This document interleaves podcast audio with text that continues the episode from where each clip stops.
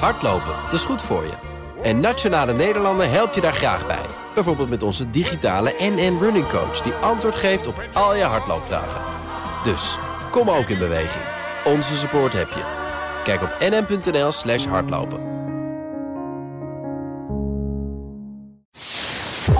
Het is wel lastig, maar ik vind wel dat degene gelijk heeft dat we een risico lopen. En ik vind het eigenlijk jammer dat we de leraren niet gevaccineerd hebben. Hallo, ik ben Kees Dorrestein. En ik ben Diederik Gommers. Ja, bekend IC-arts en OMT-lid. En in deze podcast beantwoordt hij jouw coronavragen.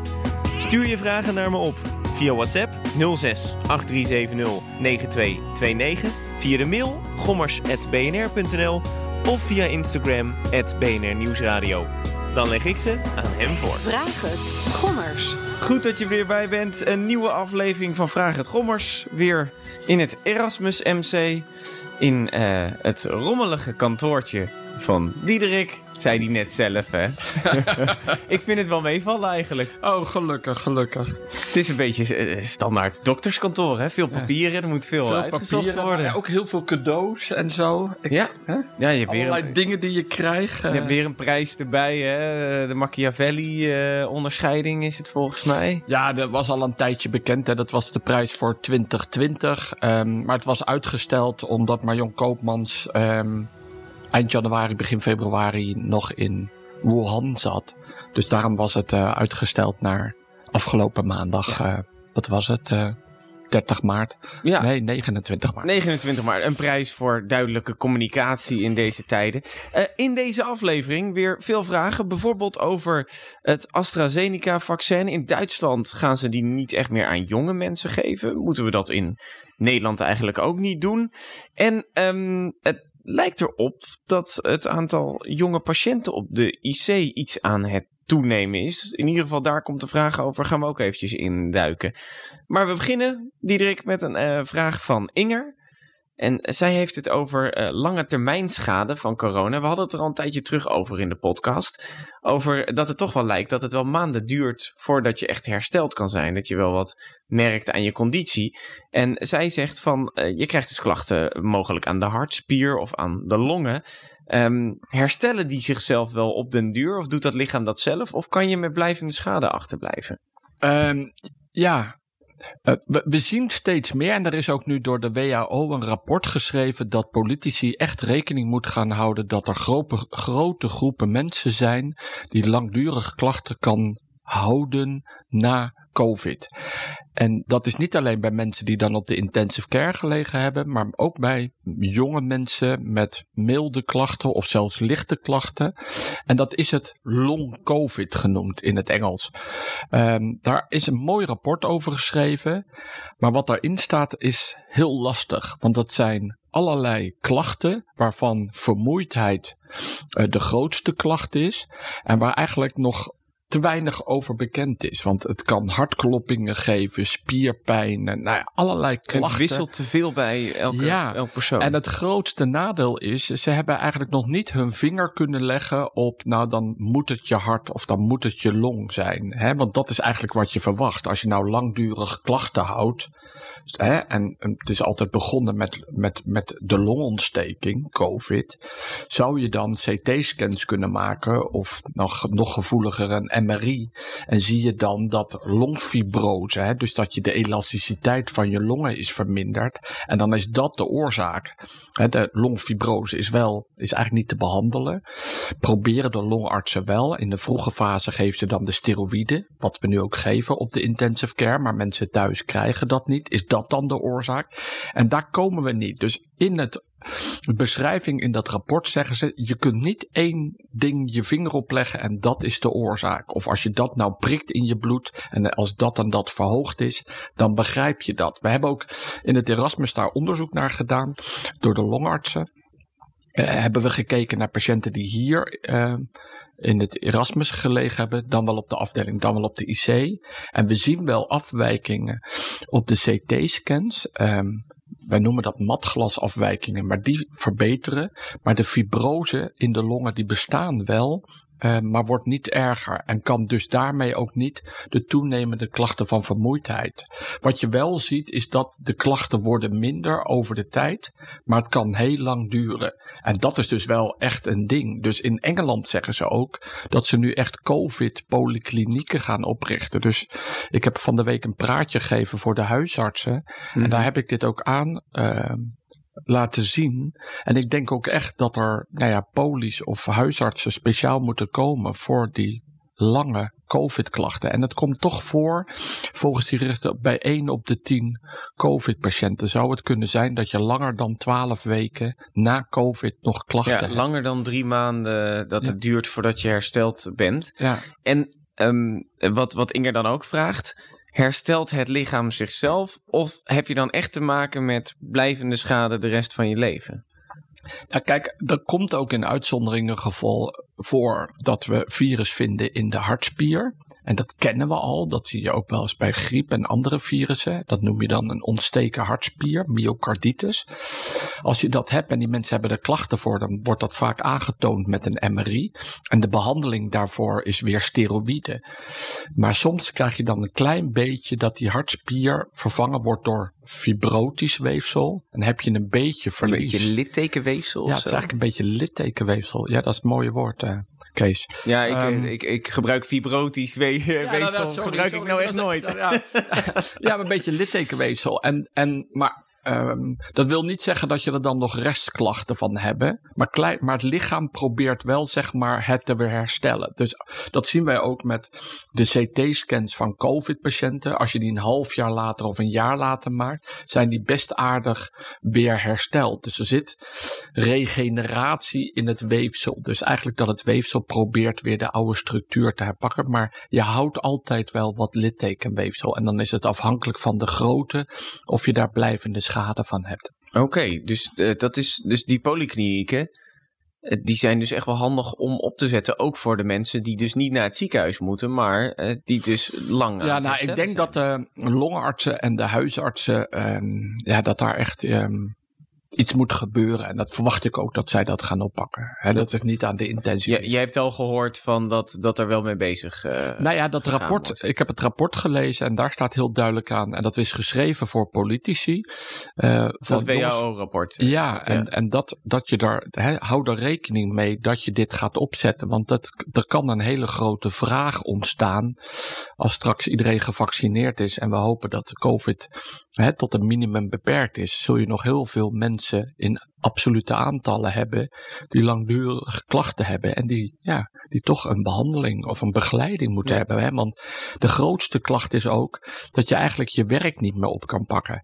En dat klinkt zo gek, hè? Ik bedoel, je bent heel snel vermoeid, maar het lukt eigenlijk niet om terug je eigen werk op te pakken. Nou ja, daar moet je ook, dus het gaat niet alleen over de medische inhoud, maar ook over de sociale, maar ook de financiële begeleiding is denk ik heel belangrijk. Ja, en dan gaat het voor mensen die COVID echt gehad hebben, dus niet die een vaccin hebben en daar nee. klachten van krijgen. Nee. nee. Um, dan een vraag van uh, Roelof.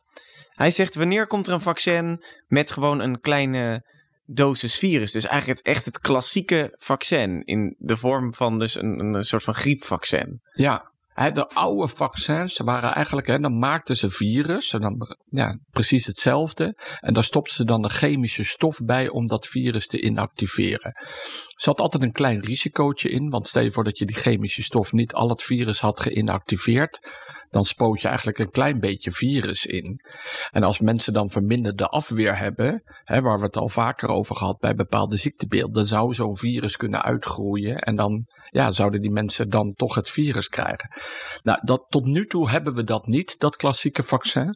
Um, en eigenlijk vind ik het ook wel ja, mooier als we het kunnen doen met deze moderne vaccins. Ja, dus, want we hebben een vectorvaccin, dat een DNA-vaccin en een mRNA-vaccin. Ja, dat zijn modernere vaccins. Eigenlijk een hele uh, andere techniek dan we tot nu toe gewend zijn. Dus ik zou me zomaar kunnen voorstellen dat die klassieke vaccins voor de COVID eigenlijk niet er niet komen, maar ik weet het niet precies. Nee. Ik verwacht het eigenlijk niet. Nee, ik denk eigenlijk dat deze vaccins hebben laten zien dat ze een goede vaccins zijn voor de COVID. En ik kan me ook voorstellen dat deze techniek dan straks ook voor misschien wel de griepvaccins wordt ingezet. Maar dat weet ik ook niet of dat gaat gebeuren. Dat zullen we een beetje moeten afwachten. Nou, we blijven even bij de vaccins, want Vincent stuurde een berichtje. Hij zegt, ik luister altijd vanuit Spanje. Nou, dat vind ik natuurlijk hartstikke mooi. Vraag Trommers gaat internationaal. Dit, is, dit is fantastisch. Lekker warm ook. Nou, alhoewel, we hebben ook een paar warme dagen Zo, dat was mooi, ja, deze week. Dat was wel lekker, ja. ja. Ik heb het er alleen niet van kunnen genieten. Ik zat veel te veel binnen. Nee, ik zat ook op het werk. Ja, dat is wel jammer. Ik ben nog steeds zo wit als een A4'tje, om het maar zo te zeggen. Um, in ieder geval, Vincent zegt, heeft u na uw eigen uh, tweede vaccinatie een test laten doen op de antilichamen, om die dus te meten en hoe het lichaam heeft gereageerd? Wordt daar op kleine of grotere schaal uh, nog onderzoek naar uh, gedaan om te zien dus hoe dat lichaam reageert bij verschillende leeftijden, verschillende geslachten, dat soort dingen. Ja, uh, hele goede vraag. En ik begrijp eigenlijk ook niet zo goed, maar het is een beetje buiten mijn speelveld, um, waarom dat eigenlijk niet gebeurt. Hè? Je zou je kunnen verwachten dat de GGD's zijn nu heel erg bezig met testen afnemen. Gewoon hè, de PCR-test, om te kijken of iemand besmet is, ja of nee. Maar hoe mooi zou het zijn dat je daar ook heen kan om gewoon te testen of je nog antistoffen hebt. Hè? Dat doet nu de bloedbank als je mm-hmm. bloed komt geven, doneren. Um, maar eigenlijk zou het heel handig zijn of je weet of je antistoffen hebt. Want dan, als je genoeg antistoffen hebt, ja, hoef je niet te vaccineren, maar hoef je ook niet een sneltest te doen straks. Dus ik verwacht eigenlijk dat dat er wel aan zit te komen. Ik ben niet betrokken hierbij, dus ik weet geen details of dat wordt al, men daar al aan bezig is. Maar ik hoorde toen ik in het programma zat op televisie, zat Sauer naast mij. En die zei dat het in Rusland op iedere hoek van de straat kon je je laten vaccineren, maar kon je ook je antistoffen bepalen. En daar was het eigenlijk helemaal ja, gewoon. En dat lijkt me eigenlijk mooi. Dan ga je ook leven met het coronavirus. Snap je? Dan, ja. Als je dan denkt van jongens, ik voel me niet helemaal lekker. Of ik wil vanavond naar me, of het weekend naar mijn ouders of mijn grootouders. Of ik ga bij mensen op bezoek waarvan iemand, nou ja, weten dat hij zwanger is of zo. Dat je dan denkt, nou, ik ga me toch even laten testen. Of ik laat even mijn antistoffen testen. Of dat ik nog voldoende antistoffen heb. Dus ik verwacht eigenlijk wel dat dat gaat komen. En ik vind het ook een hele goede suggestie.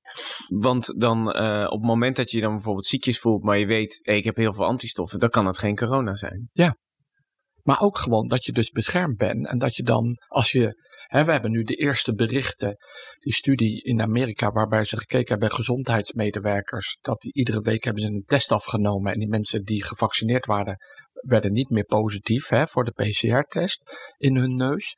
Dat betekent dat ze waarschijnlijk ook geen verspreiders zijn van het virus. Hè. Als je het daar niet vindt, dan is de kans ook erg klein dat je het nog verspreidt.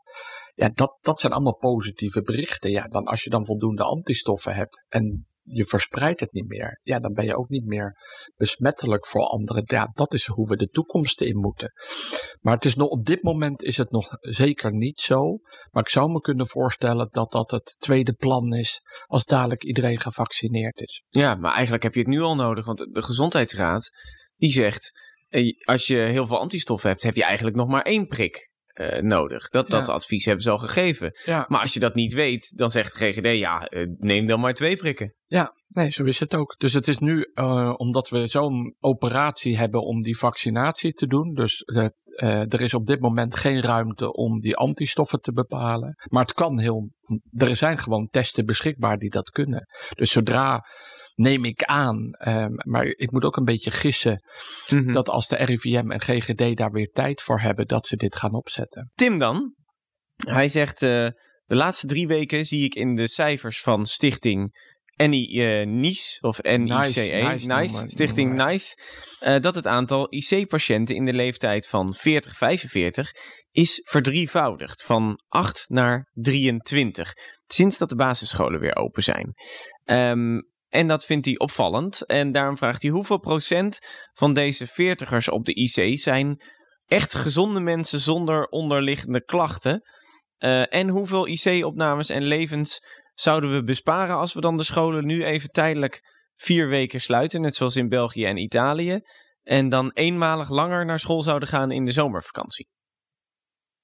Ja, dat is een heel verhaal. Ja, het is heel maar, verhaal. maar hij heeft natuurlijk wel een punt. Ehm, en dit zeg ik dan op persoonlijke titel, hè, want het Mhm. OMT vindt er iets en Diederik zit ook in het OMT.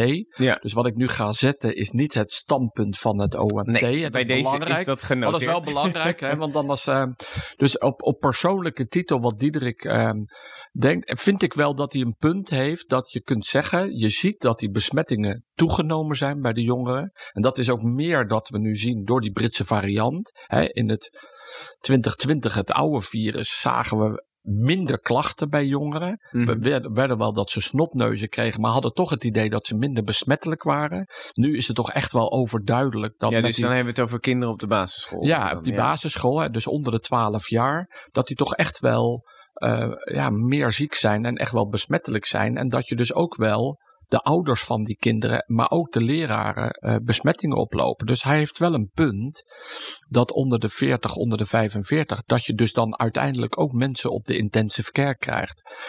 Het zijn echter nog steeds ongelooflijk kleine aantallen. Hè? Dus bij de hele, we hebben nu 10.000 eh, patiënten, mensen gehad op de intensive cares in Nederland. En 4% was onder de 40 jaar. Als je dat uitrekent, zijn dat er toch op 10.000 400 mensen. Mhm. Dat in absoluut aantal vind ik het getal 400 best hoog. Ehm, de sterfte is dan weer lager, hè, want normaal de sterfte op de intensive care.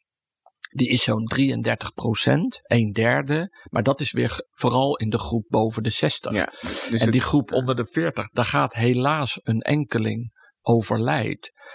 Ehm, en dan de vraag is, zeg, ja, zijn dat nou allemaal mensen met comorbiditeit, hè, met andere ziektes? Nou, kan je op die, hè, wat hij geeft, het is nu gestegen van 8 naar 23, dat weet ik niet. Dat zijn te individuele aantallen. En ik heb die, hè, dat, dat, dat is privacy. Ik weet niet Mhm. precies wat die mensen, welke 23, wat hun achtergrond is. Nee, precies. Dat kan ik ook niet zien, want die data is beschermd. Dus hè, dat mag wel de behandelend arts zien.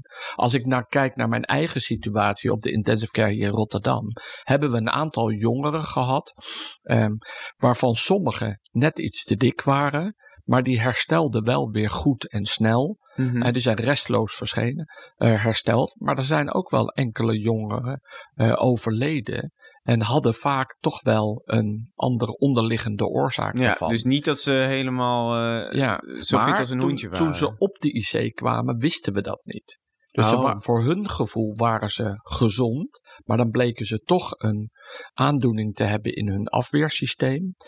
En daarom ehm, denken we dat ze daardoor zijn overleden. Dus het is, het is wel lastig. Maar ik vind wel dat degene gelijk heeft dat we een risico lopen. En ik vind het eigenlijk jammer dat we de leraren niet gevaccineerd hebben. Mhm. Ehm, en eigenlijk ook die jongere groep. Dus ja, als die besmettingen nu zo hoog oplopen, ja, om de scholen weer te sluiten nu voor een maand en dat later in te halen, ja, is geen onaardige suggestie. Maar daar gaat het OMT over. Ja. Ehm, en, en, ik heb het niet op de agenda zien staan van vandaag, maar ehm, misschien kan ik het nog inbrengen bij de rondvraag. Ja, dat is eh, misschien een goede vraag. Want dit is gewoon op jouw persoonlijke titel. eh, bij deze nog eventjes een, eh, een keer gezegd. Want je kan ook een mening hebben zonder eh, dat dat per Nee, maar dat is heel belangrijk. Is Dat gaat over OMT. En ehm, ja, de OMT is een gezamenlijk standpunt. Mhm. En we moeten wel oppassen dat je niet als OMT-lid nou ja, andere standpunten... Nee, je wordt ook heel vaak aangekondigd als IC-arts en OMT-lid natuurlijk.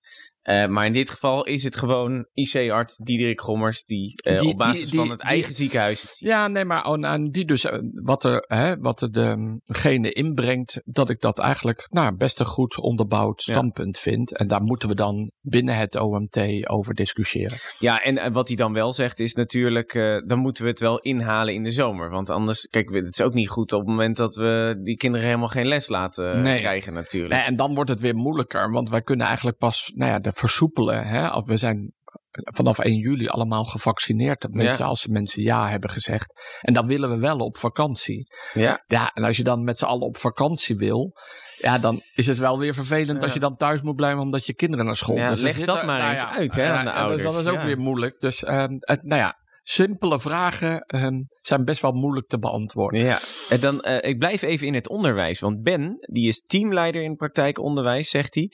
Eh, dat doet hij in een regio vlak aan de Duitse grens in eh, Nederland.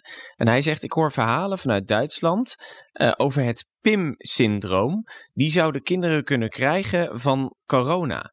Ehm, hoe gevaarlijk is dat? Ja, nou, gelukkig had je me dit toegestuurd.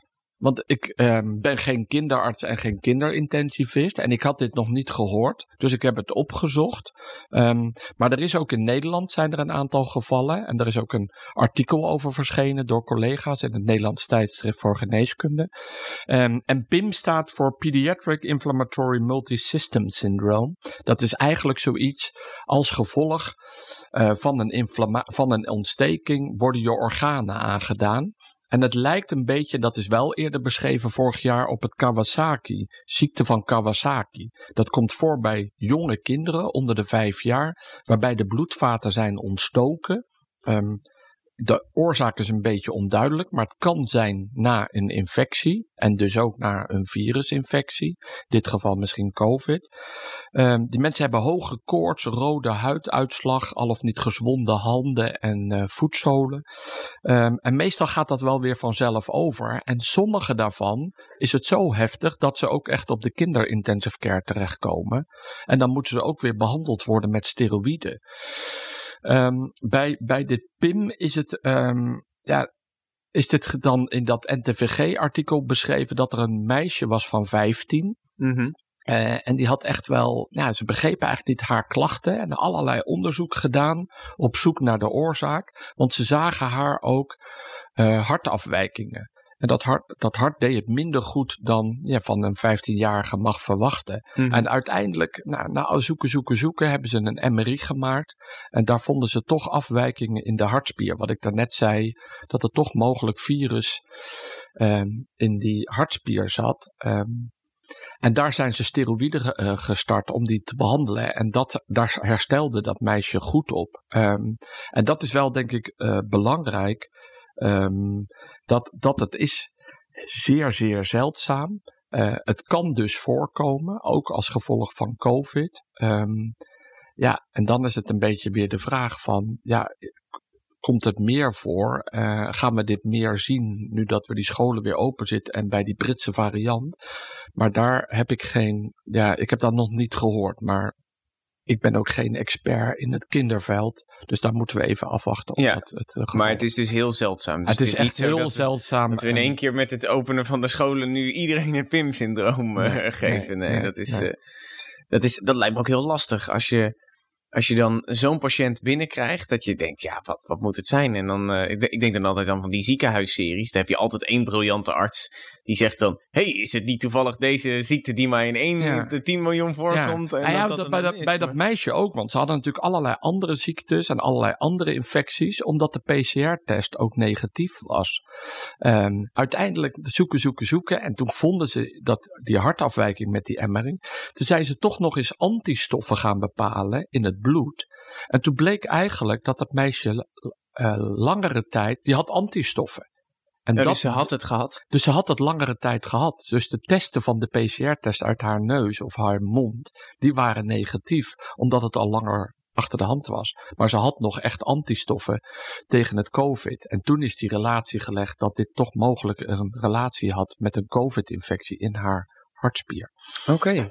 Dat, heb je zelf ook ooit zo'n situatie gehad dat iemand binnenkwam, dat is dan niet bij een kind natuurlijk, en dat jullie dachten, wat is dit? En dat je Ja. na lang zoeken uiteindelijk een soort van Eureka-moment Ja, had. nee, absoluut. En wij hebben dit ook, ehm, deze hartspieraandoeningen, daar krijgen we soms jonge. Wij hebben een aantal mensen gehad in begin twintig, ehm, maar dat is ook op één hand te tellen, die uiteindelijk ook eh ontstekingen hadden van de hartspier. En waar we dus ook steroïden gestart zijn en dat ze daarna weer hersteld zijn. Die COVID hadden gehad dan. Ja, maar die waren doorgestuurd uit andere ziekenhuizen hier naar het academisch ziekenhuis.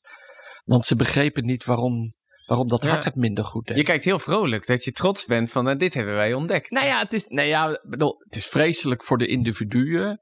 Maar voor ons als dokters, dat je erachter komt wat het is. En dat je het dan kan behandelen door, nou ja, zo'n simpel middel Ja, als steroïden te precies. geven. Nou, Daar word je, nou ja, als is- dokter word je daar blij Nou, van. ik denk dat als je als patiënt word je er ook best blij van. Nee, absoluut. Dus als, Want ja. dan, dan weet je wat, eh, wat het is. Ja, ja. Ik, ik, ik hoor vaker van die verhalen van eindelijk. eh, eh, ik, ik, heb, ik zit er nog steeds wel mee, maar eindelijk weet ik in ieder geval wat het is. Dus we Ja. kunnen er wat aan doen, want anders loop je er ook maar mee rond, Ja. natuurlijk. Ja. Ehm, laatste vraag dan. Eh, Jan en Els die stellen een vraag die eigenlijk heel veel eh, mensen in een bepaalde variant eh, naar mij doorsturen op de app of op de mail. Zij zeggen: Hoe weet ik welk vaccin ik nou moet nemen als ik een specifieke aandoening heb? Die zijn dus heel erg aan het zoeken van. Het zijn heel veel mensen met een specifieke aandoening en die denken dan: oké, daar moet ik vast een specifiek vaccin voor hebben. Welke moet ik dan nemen en hoe kan ik dat zelf onderzoeken? Ja, ik begrijp dat ze, die, dat ze dat denken, maar het is niet zo. Ehm, het maakt eigenlijk niet uit welke vaccins je neemt, voor welke ziekte dan ook. Ehm, want ze zijn allemaal, of je nou een mRNA-vaccin of die vectorvaccin, eh, ze, de, ze, je brengt een genetische boodschap, er wordt eh, die specifieke spike-eiwitten gemaakt en die gaan op de oppervlakte van jouw cel zitten en daar maak je antistoffen tegen. Eh, er is op dit moment geen kennis dat het ene beter werkt voor bepaalde aandoening dan de ander. Dus ik zou me daar geen zorgen om maken. En- door de hele discussie over de bijwerking met AstraZeneca en extra eh, trombosevorming is er natuurlijk wel een beetje ontstaan van ja, als je nou antistoffen hebt tegen je bloedplaatjes, hè, die hit, wat er toen eh, naar voren kwam. Eh, als mensen daar al mee bekend zijn, dus een heparine geïnduceerde trombocytopenie, dus lage aantal bloedplaatjes, dan moet je niet het AstraZeneca nemen. Ja, dat is de, dat is de eerste waarbij je, als je weet van jezelf dat je een hit hebt, omdat je dat in het verleden eh, eh, opgelopen hebt na heparine of iets dergelijks. Maar dat is uiterst zeldzaam. En de Ja. dokters weten dat. Dus in die gevallen wordt er geadviseerd om dan geen AstraZeneca te nemen. Ja. Maar zover mij bekend, op dit moment bekend, eh, wordt er, maken we geen onderscheid. Nee, dus eigenlijk alleen heb je hele lage bloedplaatjes. En dan moet het ook nog specifiek dat eh, die gevallen zijn. Maar dan kan je altijd het beste nog even je arts contacten van... hey, ik, ik krijg... Ik zie op het papiertje staan dat ik AstraZeneca krijg. Is dat wel verstandig? En dan kan die je altijd nog extra informatie geven. Of dat voor jou eh, voor, de, voor toepassing is. Ja. Of eh, van toepassing is, ja. Ja. Ehm, dankjewel weer. Heb je zelf een vraag? Je kan hem naar mij appen. 06 8370 9229. En denk je, hey, het duurt even voordat ik antwoord krijg. Ja, want ik heb nog steeds 200 onbeantwoorde appjes staan. En ik weet niet wat er aan de hand is. Eh, deze podcast die gaat een beetje hard. Dus dan krijg je ook heel veel vragen. Maar eh, trust me, we lezen alles door en je komt op een lijst. En eh, soms nemen we je dan mee in van die vragen zoals Jan en Els. Een beetje overkoepelende vragen. Dus dan wordt niet exact jouw geval en exact misschien jouw nieraandoening meegenomen. Maar wel in deze algemene vorm. Je kan ook mailen gommers.bnr.nl en abonneren kan je leren. Als je dat doet, krijg je in ieder geval elke keer een melding als de podcast er is. En dan hoor je dus direct of jouw vragen en andere handige vragen voorbij komen. Ben je weer helemaal op de hoogte. Ja, Diederik, het is eh, vrijdag als we dit opnemen. Eh, nog een drukke dag voor de boeg. ja ik ga nu gelijk de OMT in. Oh dus, jee. eh, Ben je al... Oh, dat is altijd... oh, ik- ben al een paar minuten te laat. ja, dus ik ga gauw. Zeg, geef, geef ze maar de excuses van mij. Van Kees oké. van BNR. Helemaal, komt helemaal goed. Kees, tot volgende week. Hoi, hoi.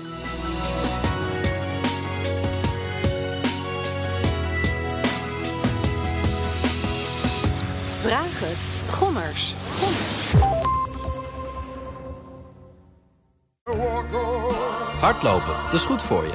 En Nationale Nederlanden helpt je daar graag bij. Bijvoorbeeld met onze digitale NN Running Coach... die antwoord geeft op al je hardloopvragen. Dus, kom ook in beweging. Onze support heb je. Kijk op nn.nl slash hardlopen.